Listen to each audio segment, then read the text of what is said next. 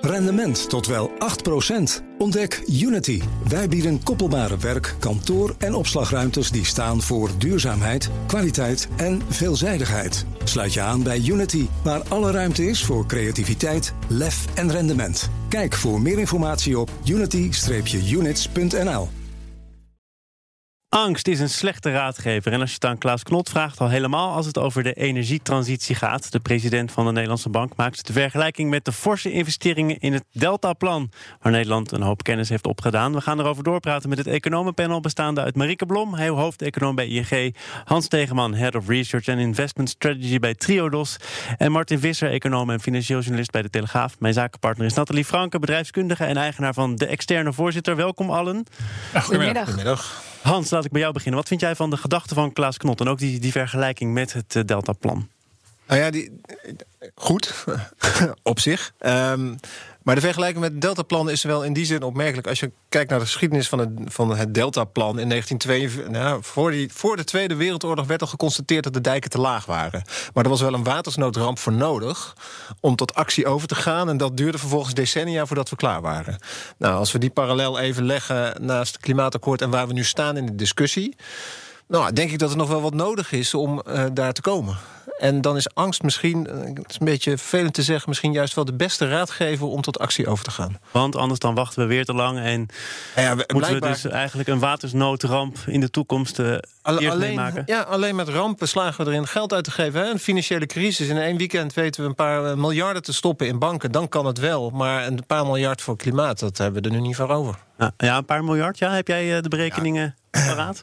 Er zijn mensen die denken dat het duizend miljard is. Maar als je de, uh, de doorrekening van het klimaatakkoord neemt, dan, dan is het per jaar gewoon heel weinig. En dan hangt er ook vanaf wat je dan wel meerekent in die doorrekeningen, toch? Ja, dat is, dat is altijd zo, ja. Nou ja, maar goed, als we het over geld hebben, waar het toch ook in deze discussie veel over gaat. En wie betaalt het dan en wat is dan eigenlijk het bedrag? Ja, maar, dan kun je wel zeggen, ja, dat is altijd zo. Maar dat is toch nee, maar een belangrijke ingrediënt in de discussie. Ook, als je kijkt naar, het, naar, de doorrekening van het uh, concept klimaatakkoord, om het zorgvuldig te zeggen, uh, is een paar miljard. En als je dat vergelijkt met wat wij uitgeven aan onderwijs, aan zorg, aan allerlei andere dingen, uh, dan zijn het peanuts.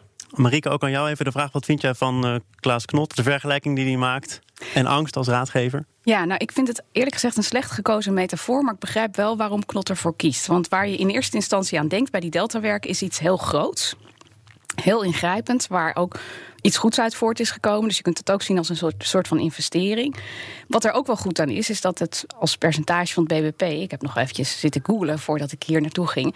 dat het aanvankelijk zou gaan om zo'n uh, 1 miljard euro, wat het in zijn totaal zou kosten. Nou, dat viel wel even tegen. Dat werd ergens tussen de 4 en 5 miljard. Maar als percentage van BBP komt dat over die hele lange periode uit. Misschien op gemiddeld zo 4 procent, eenmalig van BBP. En net als Hans, daar ben ik het mee eens. Als percentage van die als percentage van BBP is ook die energietransitie waarschijnlijk wel te overzien. de, de, beste doorrekeningen die we er nu over, over, hebben, gaan ook in de richting van zo'n 2% van ja. BBP. Zou ook nog wel wat meer kunnen worden, want dat loopt tot 2030. Maar in die zin klopt het dus wel. Maar vervolgens gaat er zoveel aan mis.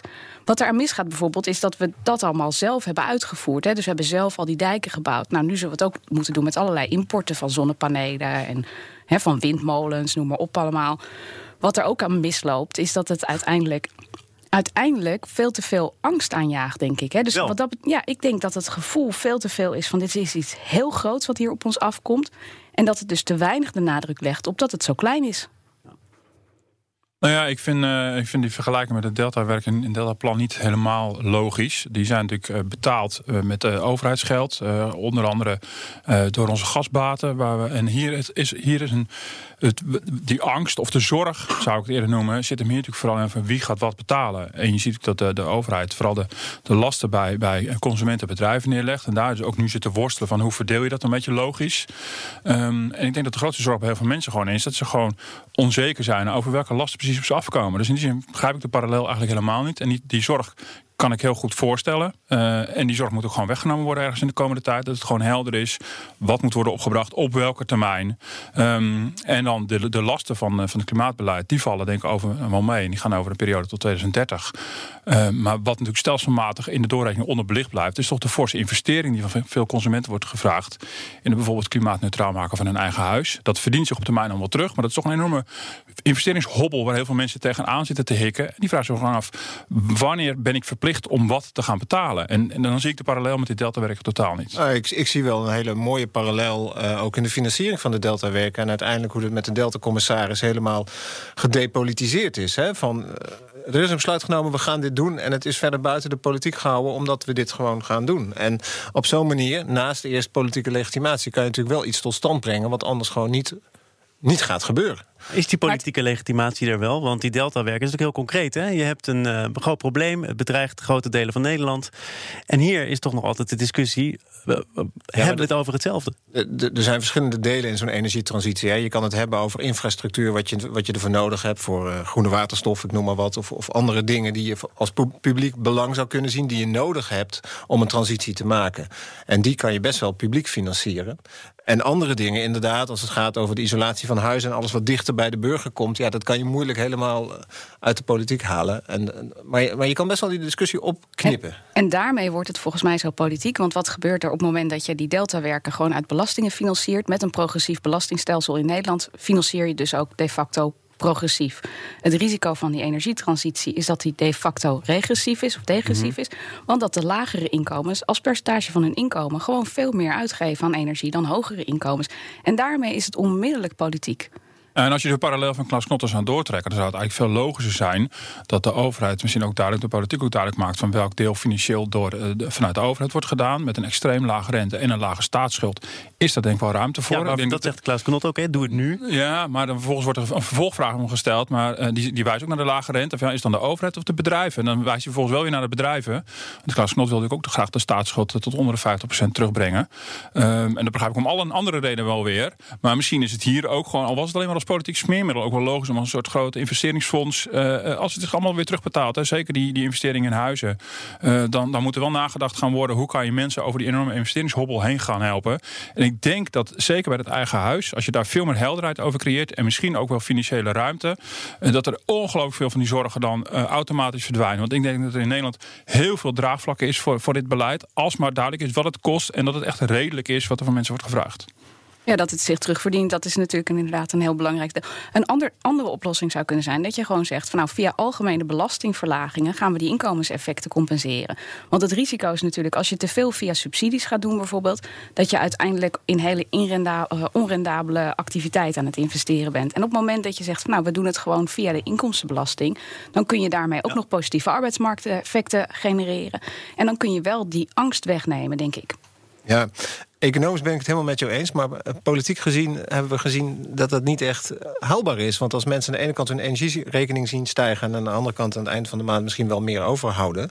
dan koppelen ze die twee niet. En dat is nou precies eigenlijk wat je als econoom niet wil. Want je wil hè, die prikkels goed hebben. Maar in de praktijk gewoon om draagvlak te creëren voor een energietransitie... vind ik dat toch wel een lastige. Ja, nou goed, misschien moet je er dan over... dan moet je wat creatiever zijn. Dan moet je zeggen van, nou ja goed, we laten het een, een jaar eerder ingaan. Ik noem maar wat, hè. We, we gooien de inkomstenbelasting omlaag. Dat doen we al een jaar voordat er allerlei energiebelastingen omhoog gaan. Ik denk dat daar wel ruimte is voor creativiteit.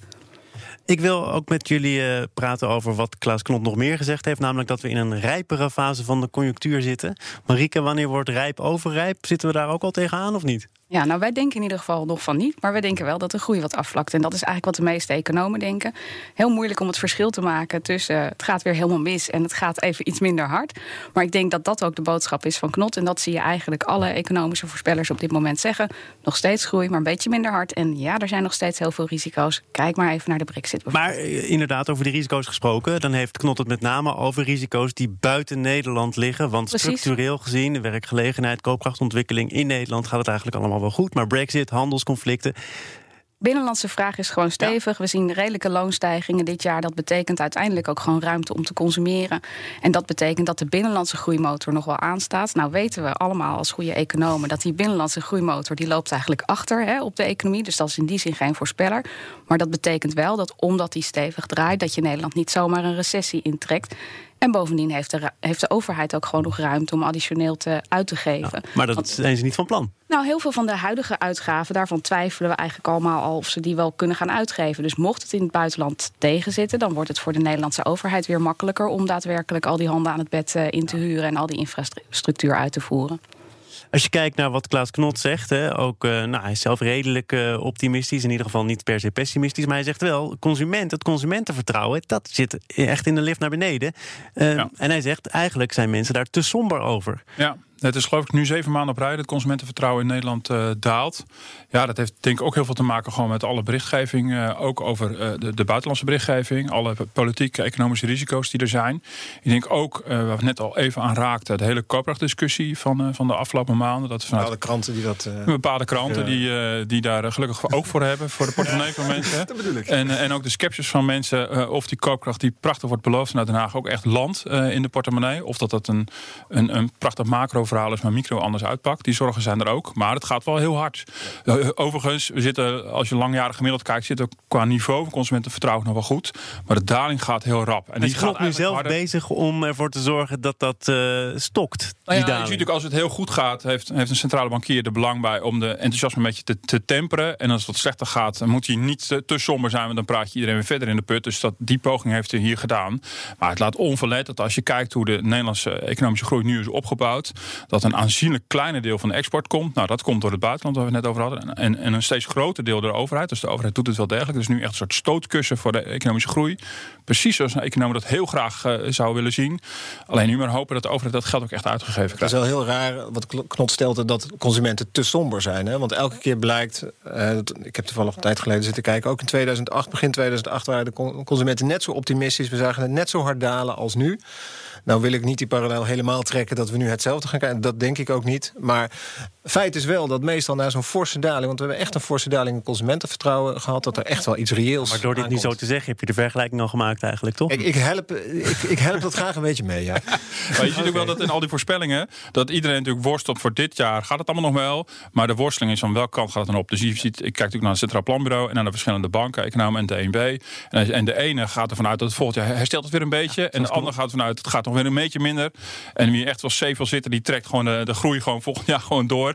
Domweg, we weten het niet zo goed. Ik bedoel, er heel veel macro-economische berichten uit Europa die gewoon somber stemmen. Maar of er echt al reden is voor heel veel pessimisme, dat is nog zeer de vraag. De man die we niet hebben uitgenodigd, maar die wel veel te zeggen had, is Klaas Knot. Want die zorgde voor meer dan één krantenkop. In de Telegraaf zei hij ook dat de vakbonden in beweging moeten komen in het pensioendebat. En hij heeft het zelfs over een handreiking van minister Koolmees. Die handreiking, Martin, die was er al eerder. Waar bestaat die ook weer uit? Nou, heel eerlijk gezegd begreep ik het niet zo goed. Ik vroeg ook aan hem van, uh, wat is die handreiking dan precies? Maar uh, nou, het kwam niet veel verder dan ja, een, een brief met tien punten. Uh, nou, die hebben de vakbonden niet als een handreiking ervaren. Nee. Dat was nog een soort opzetje van, nou, wat, wat kan ik als minister nou doen als de vakbonden niet meebewegen? Kan ik buiten ze om? Voor mij is het nogal allemaal theoretisch. Ik denk dat Koolmees niet anders kan dan met de vakbonden tot een deal te komen. Pensioen is ook gewoon arbeidsvoorwaarden. Um, maar goed, zijn het, de, de, de gedachte, het gevoel van knop begrijp ik op zichzelf wel. Het, het, het zat natuurlijk vrij dichtbij. Er waren wel redelijk wat geschilpunten tussen de vakbond en het kabinet. Um, uh, het, het, aantal geschilpunten was misschien groot, maar de, de ruimte die er was, was echt nog heel. heel je bedoelt het moment dat het klapte, waren het eigenlijk in november. En nu goed, nu hebben ze een actie gehad. Uh, onlangs, twee dagen voor de verkiezingen. En dan denk je, ja, beste vakbonden, nu moet je ook je verantwoordelijkheid weer nemen.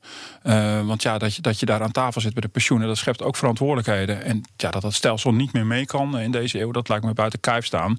Dus nu moet er op een gegeven moment ook gewoon weer gedeeld worden. En lijkt me de belangrijkste rol voor de voorzitter om zijn eigen achterban alvast warm te laten draaien voor een prachtig compromis. Maar kan dat als je inderdaad, wat je zegt, net die actie hebt gehad, die heb je niet ja. voor niks. Die heb je eigenlijk vooral om te onderstrepen wat je er allemaal nog uit Ik neem aan dat ze daarover nagedacht hebben. Dat ze dachten van nou, we laten nu de geest uit de fles. En we gaan onze, onze leden even mobiliseren en lekker laten staken. Dat ze ook hebben bedacht. Die mobiliseer je toch niet voor een compromis? Nee, precies. Nee, daarom is het ook best een, een, een, een riskante strategie vanuit de vakbeweging. Ik snap wel, stakingsrecht, uh, dat is er gewoon. Dat is ook een belangrijk, uh, een belangrijk recht. Maar dan heb je ook de verantwoordelijkheid om op een gegeven moment te denken... hoe kom ik dan uit bij een compromis? Want een bevriezing, een langjarige bevriezing van de AOW-leeftijd... zoals de FNV wil, dat zit er niet in. Dus je zal ergens water bij de wijn moeten gaan doen.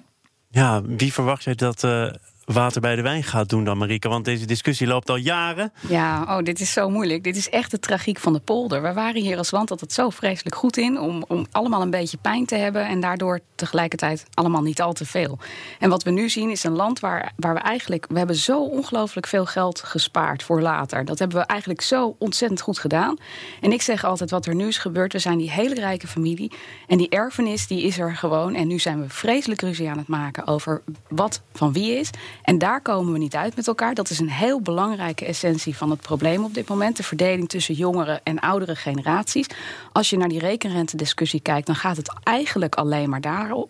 Hè. Gaat het naar jong of gaat het naar oud, de pijn? Ja, ik denk er moet gewoon pijn genomen worden. En die moet eerlijk gedeeld worden. Maar ik zie echt nu niet zo goed wie er nog compromisbereid is. Nee, Hans, ik zie jou wel een klein beetje van nee. Nee, nee ik, ik, ben het op zich eens met Marieke. Maar het, het probleem is natuurlijk wel wie moet de pijn nemen. En er zit van, van degene die pijn moet nemen, zit, dat is toch wel de achterband van de vakbond. En niet die jongeren die, die uiteindelijk nu vooral betalen. Eh, die zitten daar niet. Dus de, degene die uiteindelijk... Die zitten niet bij de vakbond, maar die nemen nee, die zitten, En die zitten ook niet aan de tafel bij zo'n pensioenakkoord. En Wouter Koolmees weet ook niet wie die dan moet spreken... van die jongeren of van die ZZP'ers, want dat is niet georganiseerd. En dat is natuurlijk wel de tragiek van de vakbond... dat daar vooral steeds meer gepensioneerden zitten... die dus ook minder contributie betalen... waardoor die vakbond ook weer mensen moet ontslaan. Dat is uh, vrij tragisch. Maar die dus ook alleen maar belang bij hebben... om te gaan roepen van ja, die rekenrente is verkeerd... want die moeten we maar hoger doen... zodat wij meer pensioen kunnen krijgen ten koste van de jongeren. En Job Swank zei dat een paar weken geleden ook heel goed in het FD. Die zei van ja, luister, die rekenrente is misschien een probleem, maar het aller, allerlastigste is dat de levensverwachting omhoog is gegaan. Wat betekent dat? Dat we met z'n allen veel meer jaren leven. We hebben een bepaalde pot opgebouwd.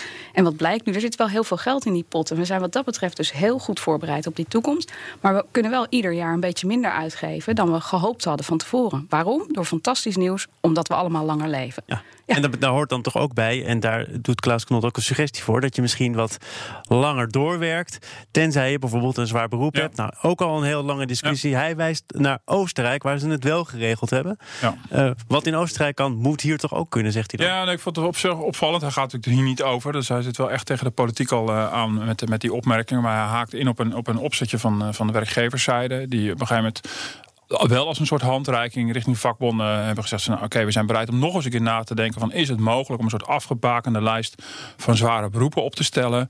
Uh, want uh, zowel het kabinet als de werkgevers zien echt wel dat er voor bepaalde categorieën werknemers in ieder geval op dit moment misschien een probleem is. Mensen die zich onvoldoende hebben voorbereid, misschien hebben kunnen voorbereiden op de, op de stijgende AOW-leeftijd. Maar goed, je krijgt wel een heel nieuw gehakketak. Want in Oostenrijk is vooral het fysiek zwaar werk zat op die, op die lijst. De vakbonden gaan ontegenzeggelijke stress en dergelijke ook in willen brengen. Dus, uh, dus allerlei andere vormen van, uh, van, van zwaar werk. Dus, dus ja, dat, dat, dat wordt wel heel erg lastig. Ik zou als vakbond zeggen, verpak die handreiking uh, op... en probeer dan desnoods tot een beperkte groep te komen. Dan heb je verpleegsters, dan heb je bouwvakkers... dan heb je havenarbeiders, mensen in allerlei nachtdiensten... politieagenten. Ik denk dat dat heel goed uit te leggen, goed te verkopen is. Is het afgebakend, doe het dan ook tijdelijk. Zorg, houd die druk op die werkgevers... dat ze zorgen dat over 10, 15 jaar... zij gezorgd hebben dat hun dat hun medewerkers wel die AOW-leeftijd kunnen gaan halen. Maar, maar, we moeten toch eigenlijk gewoon af van het model waarin we mensen eisen hun lijf gewoon opbranden. Precies, we moeten mensen toch gewoon veel eerder een oplossing aanbieden. En dat vind ik het risico daarom hiervan. Moet daarom moet je het voor mij ook niet permanent doen. Maar als je, als je iets zou willen doen voor die zware beroepen, doe je dat voor mensen waarvoor nu dat onvoldoende geregeld is. Maar niet inderdaad permanent. Dat ben ik helemaal met je eens. Ja, of je doet het dan dus via de arbeidsongeschiktheid. Want dan heb je, heb je veel minder dat. Hè, dan ga je het niet generiek doen. Dan ga je gewoon daadwerkelijk naar mensen kijken. Hoe gaat het met u? En inderdaad, hè, wat je net ook zegt. Je gaat het dan fysiek afbakenen. Maar stress is voor heel veel mensen. Maar ik vind het wel een beetje cynisch om dat te legitimeren. Dat werkgevers mensen maar meer in de, via kunnen gaan dumpen. omdat zij hun zaken niet op orde hebben. Daar zijn we net tien jaar mee bezig. Of, iets langer om dat weer een beetje af te sluiten. Het lijkt me niet zo'n goed idee om dat weer helemaal open te gaan zetten. Nou ja, goed, wij komen er dus ook al niet uit. Zal ik nog één eh, voorstel doen dat ik niet zelf doe, maar waarvan uh, Ascher zegt. Hij heeft een plan en hij, uh, hij zegt het kost ongeveer 5 miljard om dit uh, goed en uh, wel te regelen. dat er geen geld zou zijn, dat klopt niet, want we hebben een begrotingsoverschot. Besteed dan dat geld aan het voor eens en voor altijd oplossen van deze problematiek. Ja, Martin, hij heeft het wel gezegd. Bij Radio 1, daar zeggen ze ook wel eens uh, dingen. Ook wel eens zinnige dingen? Ja, ja dat, dat, dat, dat zei ik dan weer net niet. Maar... Nou, ik weet niet of Koolmees 5 miljard in zijn achterzakken heeft. Voor mij is Wopke Hoekstra, zijn minister van Financiën, collega, nogal, nogal streng. Maar hij heeft wel iets, iets rond de AOW in de achterzak. En we zijn nog druk aan het uitzoeken wat dat precies is. 5 miljard lijkt me dan weer heel erg veel geld. Maar goed, uh, ja, er zal iets. Maar dat begrotingsoverschot kun je dat aanwenden om hiervan te zeggen: oké, dat gaat dan ja, voor een belangrijk deel hier. Ja, maar dat moet wel een uitruil zijn. Hè? Je, je wil dan en de AOW-leeftijd en, en uh, alles rondom aanvullend pensioen wel geregeld hebben in één keer. En dan moet iedereen een beetje. Nou ja, en, nou. en daar zijn we al tien jaar mee bezig. Goed. We gaan naar iets waar we nog niet heel erg lang mee bezig zijn. Hoewel het Europese parlement ook niet altijd heel erg snel handelt. Maar hij heeft wel ingestemd met een Europese definitie van wat een groene belegging is. En een definitie over wat dan vervuilend is. En in welke mate haalde het niet. Hans, hoe belangrijk is dat? Het is heel belangrijk. Als je, als je ziet, uh, heel positief, er wordt heel veel duurzaam belegd. Uh, elke mainstream belegger is, is tegenwoordig hartstikke duurzaam. Nou, wij bij Triodos vinden daar natuurlijk iets van. En vinden het heel mooi dat iedereen ook duurzaam wordt. Maar dan is het des te belangrijker om goed te kunnen zien... wat de verschillen zijn in duurzaamheid. En je kan ook heel duurzaam in olie beleggen te, tegenwoordig. Ja, en daar vind ik iets van. En daar vindt iemand anders iets anders van. En dan vind ik het heel prettig dat een klant weet waar hij in belegt. Weet hij dat dan op een gegeven moment? Want ik begrijp dat dit een stempel is, maar dat het stempel niet verplicht is. Het is eigenlijk dus weer behoorlijk Europees geregeld. Gaat het dan wat uitmaken? Kijk, in Europa moet je af en toe heel blij zijn als er stapjes worden gemaakt. En uh, uiteindelijk zou ik het veel prettiger vinden, want dit is heel erg gericht op duurzaam beleggen. En dan zeggen ze niche en klein. Nee, uiteindelijk gaat het om al het beleggen, want elke belegging heeft een impact. En dus je zou eigenlijk willen weten wat de impact is van elke belegging. Dus ook als je in een, in een ontzettend uh, uh, hartstikke mooie innovatie, fossiele energiefonds stapt, dat je weet wat daar de impact van is. En dat dat verplicht wordt om daarover te rapporteren. Dus dit is, Martin, een klein stapje? Ja, ik denk het wel. Ik vond het wel grappig. Er was ook nog een strijd geweest over uh, of het ook een stempel bruine belegging ja, moest worden. Dat heeft het dan niet gehaald. Ik zou denken van, nou, de meesten zullen nu redeneren... dat is gewoon alles wat niet groen is. Maar dat schijnt dus allemaal veel ingewikkelder te zijn. Ja. GroenLinks was in ieder geval blij dat ze kernenergie... uit de groene belegging hebben gehaald. Nou, daar begint voor mij al de meteen de meningsverschillen natuurlijk. Nee, maar weet je, de, de, de, de, de tendens is natuurlijk duidelijk. Ons pensioengeld uh, wordt in toenemende mate ook, ook duurzaam belegd. Dat gaat stapje voor stapje. Dus druk ook vanuit pensioendeelnemers. Voor mij is dat ook hartstikke goed nieuws. En of zo'n keurmerk van het Europese Parlement heel veel uithaalt. negatief is het in ieder geval niet. Maar Oh, ja, een beetje meer transparantie lijkt me altijd goed. En of het direct het ei van Columbus is, dat weet ik ook niet. En Martin haalt net pensioen aan. En dat is direct denk ik een heel mooi voorbeeld van ja, het, ontzettend ook ingewikkelde hiervan. Want die pensioenfondsen die moeten zich vandaag afvragen: gaan we inderdaad duurzaam beleggen? Wat bedoelen we daar dan precies mee? Hè? Hans geeft net al een aantal voorbeelden van wat dat dan allemaal wel en niet zou kunnen zijn. En wat betekent dat dan precies voor onze deelnemers? Want ja, die vinden misschien wel het allerbelangrijkste dat ze uiteindelijk hun pensioen uitgekeerd krijgen. Dus ik denk omdat omdat je weet dat dat tegelijkertijd ook gebeurt, denk ik, we moeten vooral overheden hebben die zorgen dat, uh, dat alles wat het milieu schaadt uh, zo snel mogelijk weggeregeld wordt. En dan zeggen pensioenfondsen overigens dat het een het ander niet hoeft uit te sluiten, dat een duurzame belegging niet per se minder oplevert voor die deelnemers. Ja, en eh, ja, dan, nou ja, goed, dat, dat is mooi op het moment dat dat gebeurt. Maar de kans dat dat gebeurt wordt natuurlijk veel groter als je goed beprijst. Dank voor jullie komst. Martin Visser, econoom en financieel journalist bij de Telegraaf. Marieke Blom, hoofdeconoom bij ING. En Hans Tegeman, Head of Research and Investment Strategy bij Triodos. Rendement tot wel 8%. Ontdek Unity. Wij bieden koppelbare werk, kantoor en opslagruimtes die staan voor duurzaamheid, kwaliteit en veelzijdigheid. Sluit je aan bij Unity, waar alle ruimte is voor creativiteit, lef en rendement. Kijk voor meer informatie op unity-units.nl.